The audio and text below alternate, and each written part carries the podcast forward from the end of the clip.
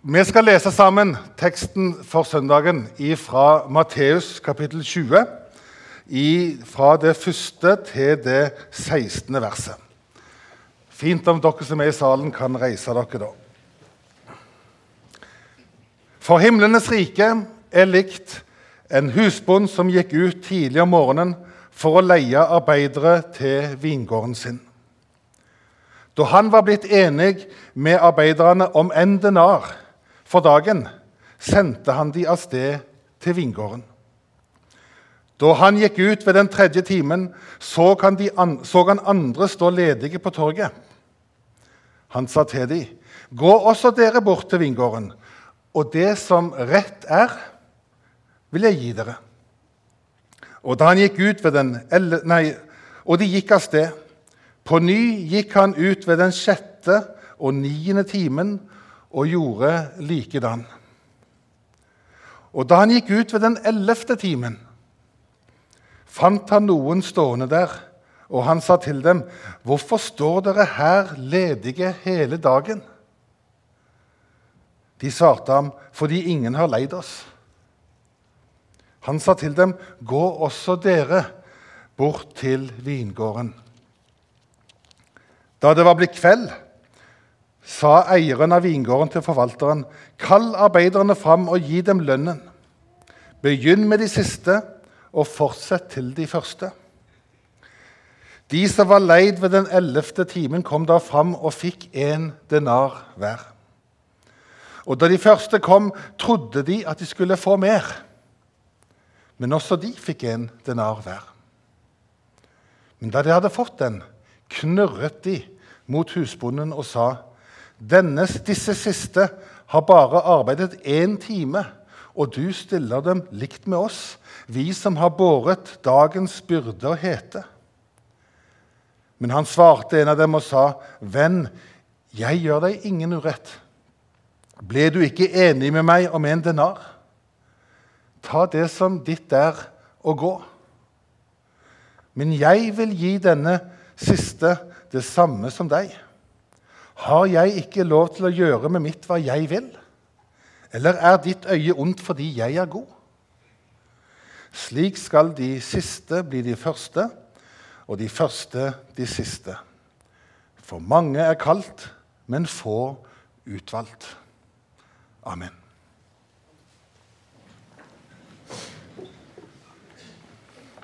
Hvis vi skal forstå denne teksten rett, så er det viktig å se den i lys av det som ligger rett i forkant. Eh, for selve lignelsen eller historien vi fikk høre her, den, den, den blir liksom litt rar hvis ikke vi ser den i den sammenhengen eh, i det, med hva som ligger der i foranledningen til at Jesus fortalte denne historien. Jeg hørte en preik av Jan Bygstad over denne teksten. og Han sa det at uh, denne teksten handler egentlig ikke om arbeidet i vingården, men om premissene for arbeidet i vingården. Det handler om at det er husbondens, eller denne mannen, vingårdsmannens, godhet som ligger til grunn for avlønninga. Ikke mengden arbeid, mengden gode gjerninger. Det handler om at man kan komme i ellevte time og få del i den samme nåde som ble gitt de som fikk lov å være der helt fra starten av. Teksten er tett knytta til det som ligger foran. I kapittelet før så leser vi om, om en rik ung mann som kommer til Jesus og spør hva han skal gjøre for å få del i det evige liv. Og Med henvisning til loven så eh, så sier Jesus til han at han skal følge den og gjøre det som står der. Um, ikke slå i hjel, ikke bryte ekteskapet, um, ikke stjele, ikke tale usant. Men i stedet så skal man hedre sin far og mor og elske sin neste som seg sjøl. Og Så kommer denne mannen, og jeg tror han kom oppriktig og sa ja, men alt dette har jeg jo gjort. Alt dette har jeg holdt. Hva er det da som mangler? Jeg har gjerningene du ber om. Hva trenger jeg mer? Og Da svarte Jesus til han at han skulle gå bort og selge alt han eier, og gi det til de fattige, og så skulle han komme og følge han. Men da gikk den unge mannen bedrøvet bort, for han hadde stor rikdom, står det. Å forlate alt og følge Jesus, det ble for vanskelig. Å gi avkall på posisjonen og den tryggheten som rikdommen førte med seg, nei, der stoppet det opp for han. Det klarte han ikke. Og Så snakker Jesus der etterpå om hvor vanskelig det er for en rik å komme inn i Guds rike. At det er lettere for en kamel å gå gjennom et nåløye enn at en rik skal kunne bli frelst. Og Disiplene ble jo forferda. Men så sier Jesus, sier Jesus det at for mennesket er det umulig, men for Gud er ingenting umulig. For Gud er alt mulig. Og Så kommer det et spørsmål fra Peter. Se, vi har forlatt alt og fulgt deg. Hva skal da vi få? Vi har gjort det som denne unge mannen ble bedt om å gjøre. Hva får vi til gjengjeld for det? Dette er tydeligvis noe de har tenkt på, og vi ser flere ganger i, i evangeliene om hvordan eh, det rett og blir krangel mellom disiplene om hvem som skal sitte på venstre og høyre side av Jesus i himlenes rike. Og liksom de, de, de, tenker 'What's in it for me?' Og dette er en god deal. Her kan jeg faktisk få ganske bra framtid. Altså. Dette kan, dette, det å høre til her, det, det er bra. Dette lover godt. Så de har tenkt på det mange ganger. Og så, Jesus, så, um, og så tror jeg at vi har lett for å se for oss disippelflokken som en gjeng fattige, unge menn som fulgte Jesus. Jeg vet ikke hvordan det bildet har festa seg i meg, men, og om, om, du deler det bildet, men det er et eller annet både i måten de ble presentert på, og kanskje i måten vi avbilder de på, som får det inntrykket til å sette seg at dette er kanskje litt sånn ressurssvake, de små som blir løfta fram og får være Jesu disipler.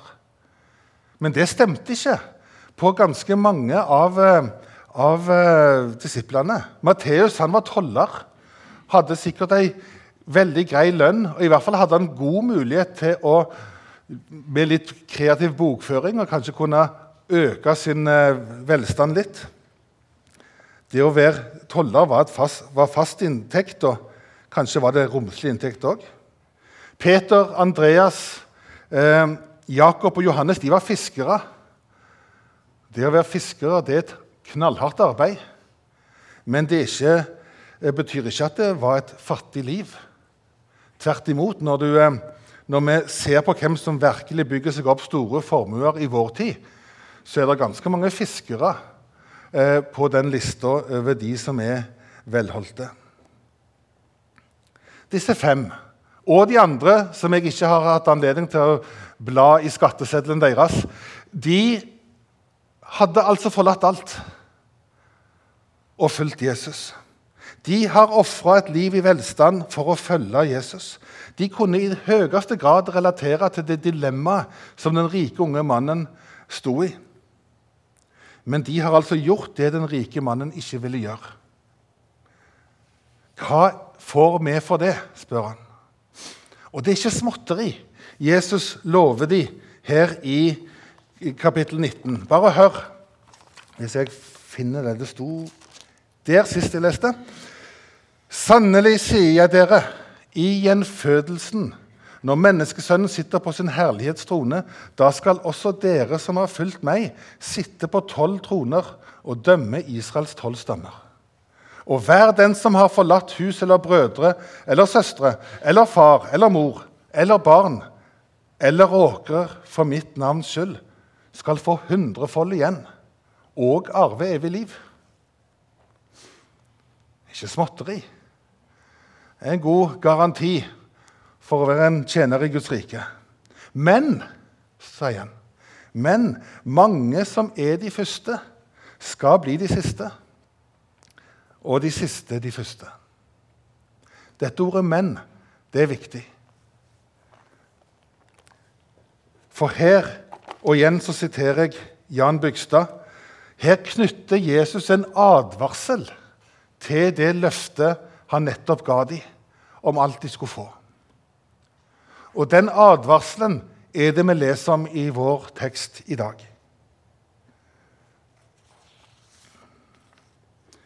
Vi hører altså om en mann som måtte ut tidlig om morgenen og hyre inn arbeidere til vingården sin. Og På torget så står det allerede mange mennesker klar. De var der før klokka seks for å få seg jobb. De står uten fast arbeid, og de er avhengige av at noen av arbeidsgiverne i byen trenger noen ekstra hender eh, for å få penger til mat på bordet til familien sin. De var i en ganske alvorlig situasjon. Mannen velger seg ut de han vil ha for dagen, og blir enige med dem om at de skal få én denar for jobben. Sist jeg talte over denne teksten her i Misjonshuset, så løy jeg så det rant av meg. Jeg sa at det var ei svær, romslig, feit lønn. Det er det ikke. Det er en dagslønn. Helt, helt ordinær dagslønn. De kunne ikke forvente så mye mer, men de fikk det de trengte for den dagen og for dagene som ligger for, for de eh, neste dagen. Så de fikk nok til nå, men ikke liksom sånn at de kunne liksom slappe av lenge etterpå. Men en denar det var veldig fair. Og allerede her har arbeiderne god grunn til å smile og være fornøyd og takknemlige. Som sagt, de er arbeidsledige, og det fantes ikke noe Nav den gangen som de kunne gå til. I vinter så var jeg i jeg skal ikke si jeg var i samme situasjon som deg. det var jeg ikke. Men jeg hadde ikke jobb. Fra nyttår og fram til, til, vår, til mai så sto jeg som arbeidssøker. Og Jeg kunne altså da gå inn på ei nettside, sitte trygt og godt i mitt eget hus, gå inn på ei nettside og registrere meg som arbeidssøker og krysse av i ei rute at jeg ønska å søke om dagpenger. Så fikk jeg en kvittering på at eh, vi har mottatt denne søknaden, og du vil få svar. Så gikk det noen ja, det gikk vel noen uker, eller et par uker kanskje. Så duppa det inn en eh, mail i innboksen min. Du er innvilga dagpenger. Og noen dager etterpå ja, der var pengene på bok. Jeg møtte ikke et eneste menneske i den prosessen. Og det tenker jeg etterpå, det er litt stusslig, det er litt leit. Men sånn er det blitt i vår tid. Vi er så effektive. Men selv om jeg ikke møtte noe menneske direkte, så kom en dag pengene inn på konto. Systemet fanga meg opp og ga meg den hjelpa jeg ba om. Det fungerte. En sånn trygghet hadde ikke disse arbeiderne. De måtte bare håpe på litt flaks. At de kom først i køen når, arbeid, når arbeidsgiverne kom og skulle hyre inn eh, dagarbeiderne sine. Arbeidsledigheten var høy, og det å ha nok til det daglige brød det var en kamp. Her fikk de jobb helt fra starten av dagen. De slapp å stå på torget til spott og spe for alle som gikk forbi, og se der er de desperate som ikke har jobb. Og de visste fra morgenen av at i kveld kan jeg gå hjem og legge penger på bordet som sikrer oss et døgn til. Det å få denne jobben det var den største gaven de kunne ønske seg den morgenen. Og de fikk det som de var verdt. Det var, en, det var ikke en arbeidsgiver som utnytta at de var desperate, og tilbød dem mindre enn det som er rettferdig.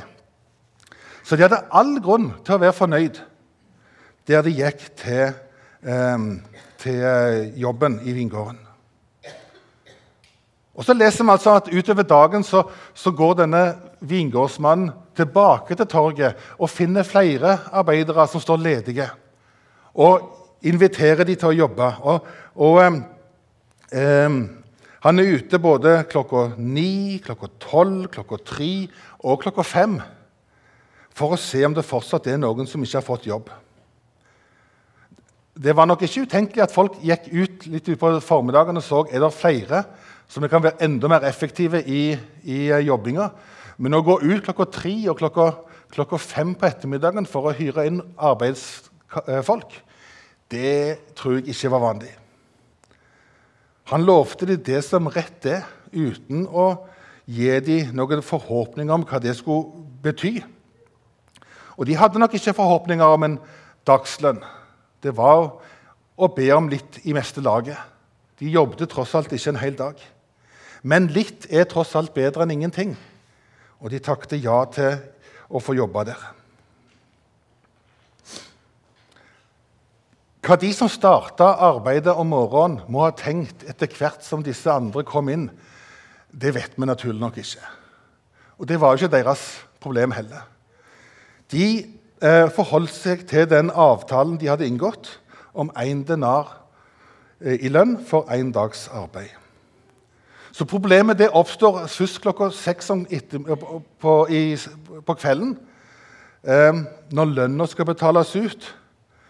Da får de som kom sist, inn en, en time før. Jeg ser for meg De rakk ikke mer enn å være med og hjelpe til å, å, å bære inn redskapen fra åkrene og inn i, i bodene. Det var det de fikk gjort den dagen. De kommer fram først, får betalt én denar. En hel dagslønn for én times arbeid. Um, etter de fulgte de som hadde vært der i tre timer, og de som hadde vært der i, i, fem, nei, i seks og ni timer. Og hva fikk de? Jo, de fikk òg en denar. Da de første kom, trodde de at de skulle få mer. Men også de fikk en denar hver. Um, hva hadde skjedd? De gikk glad og fornøyd til vingården om morgenen, takknemlig for å møte en mann som ville hyre dem og gi dem ei dagslønn. Ehm, de fikk det de ønska seg og var blitt enige om. Så hvorfor så sure miner? Du stiller dem likt med oss. Der var problemet. Du stiller deg likt med oss. De andre var blitt problemet. Og denne vingårdsmannens behandling av de andre It's not fair.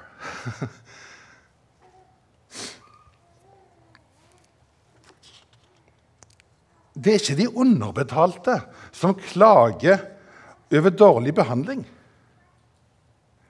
Nei, klagen kommer fra de som har fått nøyaktig det de ble lova, men som ikke tåler at det vises godhet mot andre. De, de kunne gå hjem og legge en hel denar på bordet og gi familien trygghet for maten og det de trengte det neste døgn, eller hvor lenge de klarte å strekke det, det vet ikke jeg. De kunne sikre mat til hele familien. Men det ville vingårdsmannen at de andre òg skulle få kunne gjøre. Fordi han er god. Og derfor fikk de alt, de òg. Gjennom hele Bibelen så, så, kan vi se at Gud hadde en frelsesplan som ikke bare innbefatter hans eget folk Israel. Faktisk, når vi leser nøye, så, så, inn, så um, valgte han seg ut dette folket som sitt eiendomsfolk for gjennom dem å føre en frelser som skulle frelse alle. Så det at israelsfolket skulle ha en eksklusiv rett til Gud, var aldri Guds tanke. Han ønska å nå ut til alle gjennom dette folket. I Det gamle testamentets tid så var frelsen nær knytta opp til det å tilhøre israelsfolket. Og det, det, som gjaldt, det var sånn Kom til oss og bli som oss. Og Dette henger igjen langt inn i Det nye testamentet. En stor diskusjon i den første menighet det var om ikke hedningene måtte bli omskåret og innlemma i det jødiske folk for å kunne bli kristne. Det var en alvorlig diskusjon de hadde. En lang og hard kamp å komme til erkjennelsen av at det ikke var nødvendig. Så skal vi ikke gå mer inn i det her i dag, men dette var noe av det som lå i folket på Jesu tid. Du mener det vel ikke bokstavelig når du stiller de likt med oss? Gjør du det? Du mener det vel ikke så bokstavelig? Vi er jo litt likere enn de andre, er vi ikke vel? Jesus han advarer disiplene mot å tenke høyere om seg sjøl enn de andre.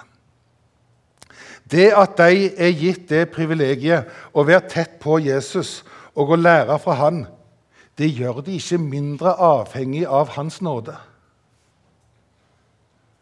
Du som har levd et langt liv med Jesus, og som har fått hatt viktige oppgaver i Guds rike Ja, kanskje har du til med vært misjonær og styremedlem i Misjonshuset. Jeg vet ikke hva du har fått oppleve av innflytelse. Du er like avhengig av at Gud viser deg nåde som den som ble stående utenfor, det gode, utenfor det gode selskap helt til den ellevte timen, før han eller hun slapp inn. Og du som kom i den ellevte timen, og som nesten ikke våger å tro at Jesus vil ha med deg å gjøre Du som ikke kan krysse av disse forventa livsstilsrubrikkene for hva det vil si å leve et godt kristent liv. Du får del i nøyaktig samme arv som alle andre. Jeg hørte et veldig fint bilde. Det var Aud Sunde Smemo, i, som er eh, sokneprest i domkirka her borte, som, som, fortalte det at utenfor Grendi kapell i Setesdal der er det malt ei klokke. Om det er på veggen der eller på muren, eller hvor, det aner jeg ikke, men, men altså, det er malt ei klokke som viser klokka 11. Og Da er det jo naturlig å tenke at det er for å minne folk på at gudstjenesten starter klokka 11. Men det er det nok ikke. Poenget er å forkynne at til kirka kan man komme så seint som i den ellevte time og få del i alt. Hvor ellers gjør du det? Det er ikke for seint å komme da, for Gud viser den samme nåde til alle, enten man kom tidlig eller seint. Vi må ta oss i vare, um, så ikke vi tenker for høyt om den posisjonen som vi får, får, uh, får stå i. Misjonshuset hører til en organisasjon som heter Misjonssambandet som har eksistert siden 1891. Og som har fått være med å utrette store ting i Guds rikes arbeid i mange land rundt om i verden, ikke minst her i Norge. Og det er mange som med rette takker Gud for det Misjonssambandet har, har fått bety i bygd og by og til jordens ender. Det å være med i denne bevegelsen det anser jeg som det største privilegiet i verden. Men å være aktiv i Misjonshuset, Misjonssambandet eller hva det nå måtte være, det gir oss ikke noe VIP-billett til himmelen. Det deles ikke ut VIP-billetter. Eller rettere sagt, det deles bare ut VIP-billetter til himmelen. Alle får det. Jeg sier ikke med det at et langt liv i tjeneste for, for Gud, for Jesus, er meningsløst. Det er jo ikke det. Tvert imot, vil jeg nesten si. Kan det finnes noe bedre enn å bruke tida si til å tjene Han? Tenk på alt du får være med på i misjonen. Du har fått en utvida familie. Ikke alltid den familien fungerer helt optimalt. Så ærlige må vi vel være. Men vi har en plass å høre til. Vi har noen som trenger oss. Og vi har noen vi kan gå til når ting er vanskelig.